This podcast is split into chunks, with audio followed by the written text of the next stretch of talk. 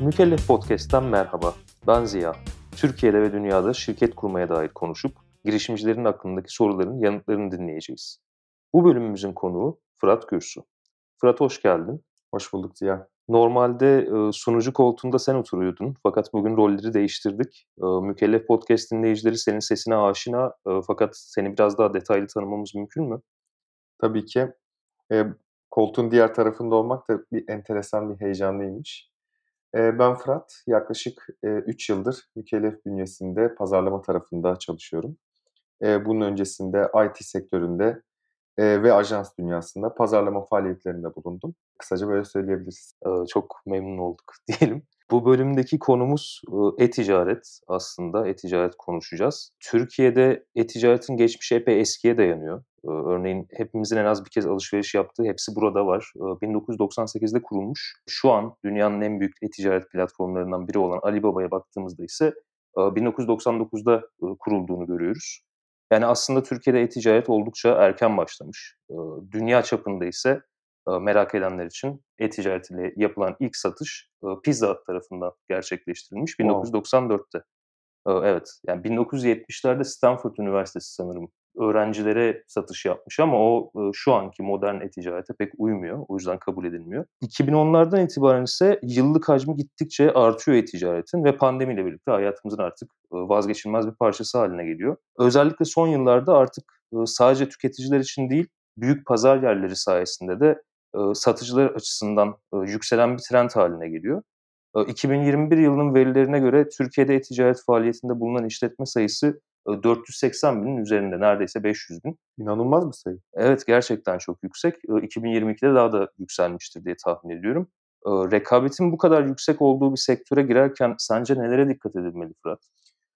Şöyle, e-ticaret artık günümüzün zorunlu e, konularından bir tanesi diye düşünüyorum. Bir örnek vereceğim hemen daha iyi anlaşılabilsin diye. E-ticareti sadece internetten doğrudan ürün satmak olarak algılamayabiliriz. Dün evimde e, kalorifer temizliği yaptırmak istedim, petek temizliği. Ve bulduğum kişi Google haritalarda işte tesisat yazdığımda, kombi kalorifer yazdığımda reklam verip önüme çıkan kişiydi. Onu çağırdım. İşte sorunu tespit etti, temizliğini yaptı. Dedi ki ya bir fotoğrafımı çeker misin? Fotoğrafı çektim. Bana şöyle bir algıyla dedi ki bak bunu da internette benim tesisat yazınca işte falanca yerde çıkıyorum. E, oraya da yorumunu bekliyorum ha diye böyle bir ekleme yaptı. E, ticaretin bence e, geldiği yer ve dikkat edilmesi gerekenleri e, dün akşam petek temizliği yaptırdığım tamirci e, bana böyle her anlamıyla tekrardan hatırlattı. Yani ee, artık sadece e, ürün üzerinden değil, hizmet açısından da e-ticaretin son derece e, kullanıldığını e, söyleyebiliriz. Çok, çok kesinlikle kullanılması gerekiyor. Bunun dışında eğer işte pazar yerlerinde satış yapılacaksa veya kendi siteniz üzerinden e-ticaret yapacaksanız neler dikkat edilmesi gerekiyor? Bence en önemlisi, birinci önemli konu sektör seçmek. E, çok basit gibi olabilir. İnsana çok basit gibi gelebilir ama e, doğru sektörü seçmek, doğru alanı seçmek e, ve o onun üzerine yürümek, onun üzerine çalışmak en kritik konulardan bir tanesi. Sektörü seçerken e, tedarikçinizin kim olduğuna göre seçebilirsiniz. Fırsatlara göre seçebilirsiniz. Sizin bilgili olduğunuz alana göre seçebilirsiniz. Ama en önemlisi gerçekten şirkete karar vermek. E, bundan sonra birazcık aslında işin daha farklı kısımları başlıyor diyebilirim. Domain hosting dediğimiz aslında kendi e-ticaret sitenizi yapacaksanız domain hosting'e sahip olmanız gerekiyor. Bunun için farklı farklı sitelerden hizmet alabiliyorsunuz. Hepsi farklı kalitede hizmetler ver, veriyor çok diyemem. Çünkü özellikle domain konusu zaten standart bir hizmet. Ve hosting tarafında farklı yerler var. Türkiye'de de dünyada da bu çok büyük bir pazar. Buradan bir hosting seçiyorsunuz ve daha sonra e-ticaret sitenizi inşa etmeye başlıyorsunuz. Bir diğer önemli konu aslında eğer hazır bir e-ticaret paketi alırsanız çok fazla üzerine düşünmeyeceğiniz e, fakat kendiniz yaptır, yapıyorsanız e-ticaret sitenize e, çok düşünmeniz gereken konu güvenlik. Güvenlik açıkları e-ticaret sitelerindeki en kritik konulardan bir tanesi. E, bugün çok konuşulmuyor. E, Türkiye'de özellikle hazır e-ticaret paketleri çok fazla satıldığı için ve Eee, hazır e-ticaret altyapıları kullanıldığı için ama güvenlik bu işin yine en kritik konularından bir tanesi. Bir diğer konu hız. E-ticarete girerken mutlaka sitenizin veya paketinizin, eee, hızlı olmasına dikkat etmelisiniz. Burası çok büyük bir rekabet dünyası. Aslında dükkânınızı açtığınızda, eee, herhangi bir caddede açtığınızı düşünebilirsiniz. Örneğin İstiklal Caddesi'nde açtığını düşünebilirsiniz ama siteniz hızlı değilse rastgele bir ara sokakta gibi de, eee, olabiliyor onun aslında konumu. Ne kadar hızlıysa aslında sitenizin konumu o kadar iyiye doğru gidiyor. Bazen bis bir şehrin göbeğinde gibi de düşünebilirsiniz mağazanızı. Özellikle bazı anahtar kelimelerde. Ben bunu şeyle örnekliyorum hep. Eee, Eminönü'nde hanlar vardır. Siz böyle gidip bir ara sokakta, işte, bir bir mağaza açarsınız ama, eee, mutlak bir ihtiyaç için gider insanlar o Eminönü'ndeki bilmem neyin hanına uğrarlar. Çünkü biliyorlar ki o oradadır. Aslında bu internet dünyasında benim gözümde ilgili anahtar kelimeyi doğrudan aratmak. Çünkü niş bir ürün arıyor ve gidiyor bi biliyor ki mutlaka Eminönü'nde bir tane han var. Ne olsun? Pilot kalem ucuyla alakalı bir han var mesela şeyde, Eminönü'nde. Eee, gidiyor pilot kalem ucu için Eminönü'nde o hanı buluyor. Bunun aynısı internette de var. Pilot kalem ucu diye yazıyor. Eğer siz o anahtar kelimede varsanız siz aslında Eminönü'ndeki o handasınızdır anlamına gelir. Benim için böyle in işin en e-ticaretteki kritik örneği bu diyebilirim. Yani geleneksel pazarlamada aslında geleneksel satışta, ııı, lokasyonun tuttuğu önem, lokasyonun önemi, biraz e-ticarette hız ve, ııı, anahtar kelimelerle eşdeğer diyebiliriz, öyle mi? Kesinlikle katılıyorum. Iıı, anladım. Peki, şu ana kadar hep, şeyden bahsettik, yani bir e-ticaret sitesi kurmaktan bahsettik. İşte domain olsun, hız olsun. Bir de pazar yerleri var çok, büyük global, Amazon bir tarafta, Alibaba, Etsy vs. gibi. Bu pazar yerlerinde de ürün satabiliyor insanlar. Burada, nasıl bir yol izlenmeli, nelere dikkat edilmeli? Pazar yerlerinde, nasıl ilerlenmeli e-ticaret yapmak için sence?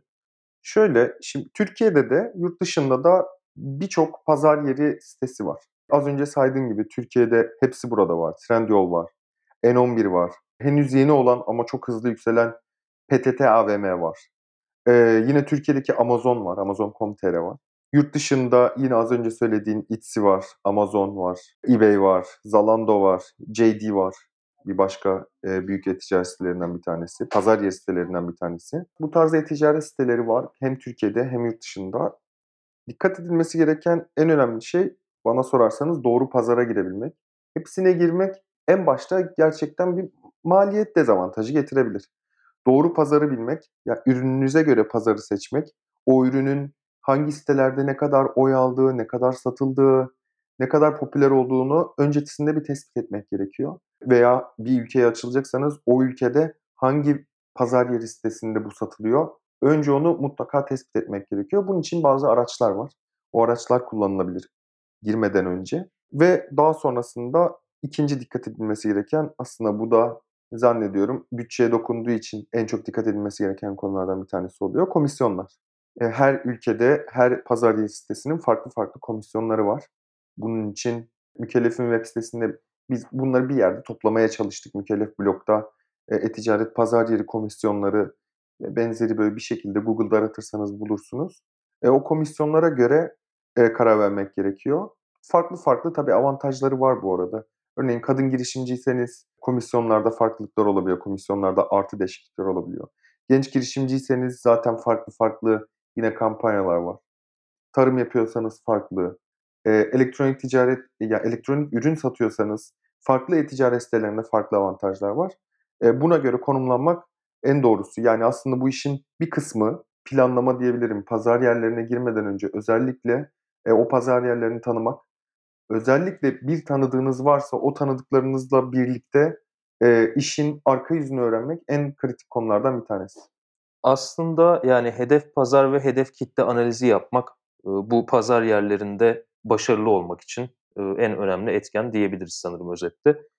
Peki az önce çeşitli desteklerden, muafiyetlerden bahsettin. Burada benim aklıma direkt olarak, evden üretim yapan kişilerin, e-ticaret aracılığıyla ürünlerini, satması geliyor. Bu konuda sanırım bir muafiyet söz konusu değil mi? Yanlış hatırlamıyorum.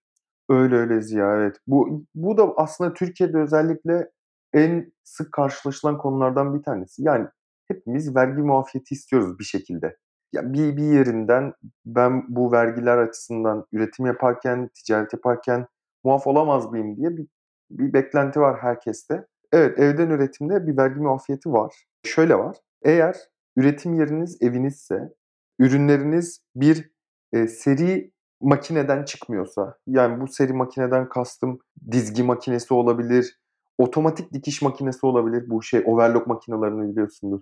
Evet, Overlock ayağımıza makinesi. gelenler. Evet, ayağımıza gelen. Ya o tarz büyük bir seri üretim e, aleti değilse ve üretiminiz evinizdeyse ve ürünleriniz internetten satılıyorsa, burası da önemli çünkü e, e-ticarette vergi muafiyeti var. Yani siz evinizde ürününüzü yapıp dışarıda e, farzı misal bir dükkanda satıyorsanız bu bu muafiyetin kapsamında değil. Onun için de ayrı muafiyetler var ama e-ticaretteki vergi muafiyeti mutlaka ürünlerin sadece internetten satılmasıyla mümkün. Peki burada yani sosyal medya üzerinden satış da dâhil mi buna? Web sitesi, pazar yerleri. Orada bir kısıtlama var mı? Şöyle var, yaptığınız satıştan gelirinizi aynı bankaya toplamanız gerekiyor. Eğer yaptığınız, ya sattığınız ürünü, eee, bir banka hesabına, aynı banka hesabına topluyorsanız, farklı farklı bankalara toplamıyorsanız ve bunu beyan edebiliyorsanız ve bu beyan toplamı 240.000 TL'yi aşmıyorsa siz gelir vergisinden muafsınız. Gelir vergisinden tamamen muaf tutuluyorsunuz. Tekrar bir özet olması açısından sayıyorum. Evden üretim, ya üretim gerçekten evden yapılıyor olmalı. Bunun tespiti de yapılıyor bu arada. Üretim gerçekten evden yapılıyor. Ürünleriniz internetten satılıyor ve bir seri üretim makinesini kullanmıyorsunuz. Yani elde olabilir bu, eee, ayağınızda olabilir. Bir şekilde bu gerçek bir el emeğiyle yapılan işse aynı bankada hasılatın toplanması kaydıyla 240.000 TL'ye kadar vergiden muafsınız. Yıllık 240.000 değil mi? Toplam 240.000 TL olacak şekilde düşünebiliriz. Anladım. Çok teşekkürler bu arada. Eee, evden e-ticaret yapmak isteyenler için gerçekten altın değerinde, eee, bilgiler bence. Eee, şimdi şöyle bir konuya geçmek istiyorum ben. Aslında, eee, muhtemelen bizi en çok heyecanlandıran kısmı, eee, dijital pazarlamacılar olarak, e-ticaret yapanlar için çeşitli pazarlama stratejileri var kullanabilecekleri.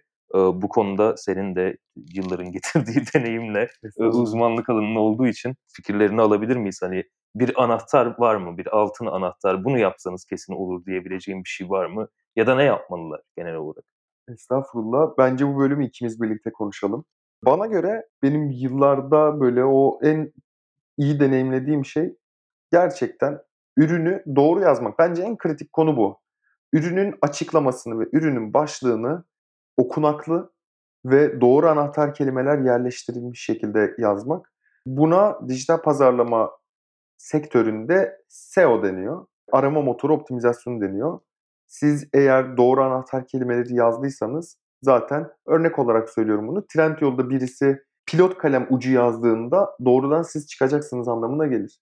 Bunun farklı kuralları, farklı metotları var ama temelde aslında yazılması gereken şey o sizin doğru anahtar kelimeyi hem açıklamaya hem başlığa düzgün şekilde yazmanız. Ya Bence bu bu bu bana şeyi hatırlatıyor. Yani bir markete gittiğinizde mesela, eee, reyonlar arasında dolaşırsınız. Hani, eee, eğer ekmek alacaksanız orada un mamul unlu mamuller reyonuna Doğru. gitmek istersiniz. Şimdi deterjan çıkarsa orada muhtemelen garip olur. marketten çıkarsınız. Garip olur. Biraz bunun, dijitalleşmiş versiyonu gibi. Bana böyle geliyor. Çok doğru. Peki yani SEO yapmak evet, biraz son zamanlarda da çok fazla üstüne düşülen bir konu. Onun dışında, başka stratejiler var mı? İşte sosyal medya olabilir belki, e-posta olabilir. Tam tam yerine denk geldin. Bence ikinci konu da açıkçası sosyal medya. Eğer bir pazar yerindeyseniz, eee, müşteriler doğru SEO yaptıysanız, yani başlığı iyi girdiyseniz, açıklamayı düzgün yazdıysanız zaten müşteriler sizi bulmaya çalışacaktır. Ama bunun haricinde burayla yetinmeyip gidip sosyal medya tarafında da ürünlerinizi pazarlamaya çalışırsanız, farklı kişilerle anlaşmalar yapıp o kişilere ürününüzü pazarlatmaya çalışırsanız farklı bir kitle yakalamış oluyorsunuz. Aslında o web sitesine girmeyen kitleye dokunmuş oluyorsunuz. Bence sosyal medya tarafı bu yüzden kritik.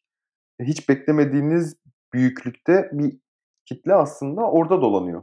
Bugün ihtiyacı olan değil, yarın ihtiyacı olacak kişiyi sosyal medyada buluyorsunuz. Bence o açıdan önemli. Özellikle bir yerden sonra Ve bu şimdi küçük küçük rakamlarla başlanıyor ama reklam verebiliyor olmak, eee, doğru kitleye reklam verebiliyor olmak sosyal medya tarafında gerçekten büyük bir avantaj sağlıyor diye düşünüyorum. Aaa, Bir burada doğru kitleden bahsettin. Hani, sosyal medya platformları arasında bir fark oluyor mu? O açıdan mesela, belli bir sektör, belli bir, platformda daha iyi geri dönüş alabilir mi? Böyle bir farklılık var mı? Ne dersin? Bence tamamen ürüne göre değişken bir konu. Eee, bazı ürünler sosyal medyada özellikle Instagram'da diyelim veya, işte, Twitter'da vs. çok karşılığı olmayan ürünler olabilir. Onu da nasıl tespit edersiniz aslında? Şimdi her bir sizin ürününüzü satın alan kişi aslında sizin için bir altın, bir kaynak. Bir altın değerinde. Ne gibi? Ya, bir kişi ürününüzü satın aldı. O kişiyi arayıp, eee, eğer vaktiniz varsa, eğer böyle, hani, binler satış yapmıyorsanız o kişiyi arayıp hangi sosyal medya hesaplarını kullandığını, demografisini, yani, işte, yaşını, cinsiyetini, ne iş yaptığını alıp bir yere kaydederseniz aslında sizin hedef kitlenizin ne olduğunu bir şekilde ortaya çıkarmaya başlıyorsunuz. Bunu eğer zaten kendi e-ticaret sitenizi kullanıyorsanız mutlak surette bu bilgileri toplamaya çalışmak en sağlıklısı. Çünkü gerçekten bu sefer sistem kendi kendine hangi ürünü, hangi yaş aralığının, hangi cinsiyetin, hangi mesleğin daha fazla aldığını çıkarmaya başlıyor. Eğer bir pazar yerindeyseniz de bunları bütün müşteriler için olmayabilir ama bazı müşteriler için arayıp bilgilerini almanızı kesinlikle tavsiye ederim. Çünkü aslında işin temelinde de bu var. Ya, ben kime ne satıyorum? Bunu esnaflar çok iyi bilir mesela. Bir şey geldiğinde, içeriye, eee, bir müşteri geldiğinde satıp satamayacağını zaten başta kestirir. Çünkü bilir, görür onu. Eee, nasıl bir yapısı var? Ne giymiş? Kaç yaşında? Hangi cinsiyette?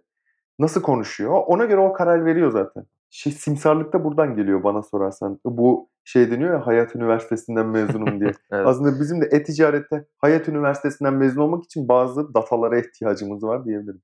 Evet, eee, senin zaten veri setlerini ne kadar çok sevdiğini ben de yakından bilen biri olarak. Evet ya. bu noktada, eee, mesela biraz da e-posta ile pazarlamadan bahsedebilir miyiz? Çünkü, eee, az önce bahsettiğin gibi, az önce söylediğin gibi bazı noktalarda, ııı, web sitesine giriyorlar fakat, ııı, almıyorlar, sepete atıyorlar. Iıı, fakat o son, ııı, satış işlemini ya daha doğrusu satın alım işlemini, ııı, gerçekleştirmeyebiliyorlar. Iıı, bu noktada e-ticaret şirketi sahiplerinin yapabileceği bir şey var mı tekrar? Şöyle var, eee, şimdi e-posta ile pazarlama zat pazar yerlerinde çok mümkün değil. Bunu söyleyebilirim. Eee, çünkü siz bir, eee, orada bir otomasyon kuramıyorsunuz. Bir bir sistem kuramıyorsunuz pazar yerlerinde. Fakat kendi e-ticaret sitenizi oluşturduysanız bu bir hazır e-ticaret altyapısı da olabilir. Eee, İKAS gibi mesela altyapı da olabilir. Doğrudan kendi kurduğunuz bir yazılımsal altyapı da olabilir. Mesela ne gibi? Opencart gibi, Magento gibi bir altyapı da olabilir. Bunları aldıktan sonra aslında sistemi şöyle kurgulamak gerekiyor. Biri size üye oldu. Bazı kategorilerde gezdi. Bu bazı kategorilerde gezmeyi cebinize atıp o bazı kategorilere dair indirimdeki ürünleri, promosyon ürünleri e-postayla göndermek veya az önce söylediğim sepete bir şey attı ama satın almadı. Ya, eğer satın alma kararı kesin gibiyse veya bir indirim imkânın varsa o ürün o sepette örnek olarak söyleyeyim 2 gün beklediyse ona özel %5 indirim olduğunu söyleyeceğim bir e-posta çok çok faydalı olabiliyor. Bu aslında bir nevi transaction arttırıyor diyebilirim. Yeni müşteri almanızı sağlamıyor ama mevcut müşterilere yapacağınız satışın artması anlamına geliyor. Şimdi bir burada çok teknik detaya inmek istemiyorum ama Pirate Funnel diye bir aslında şey var, terim var. 3A, 3R'den oluşan böyle bir, eee, dizgi diyeyim.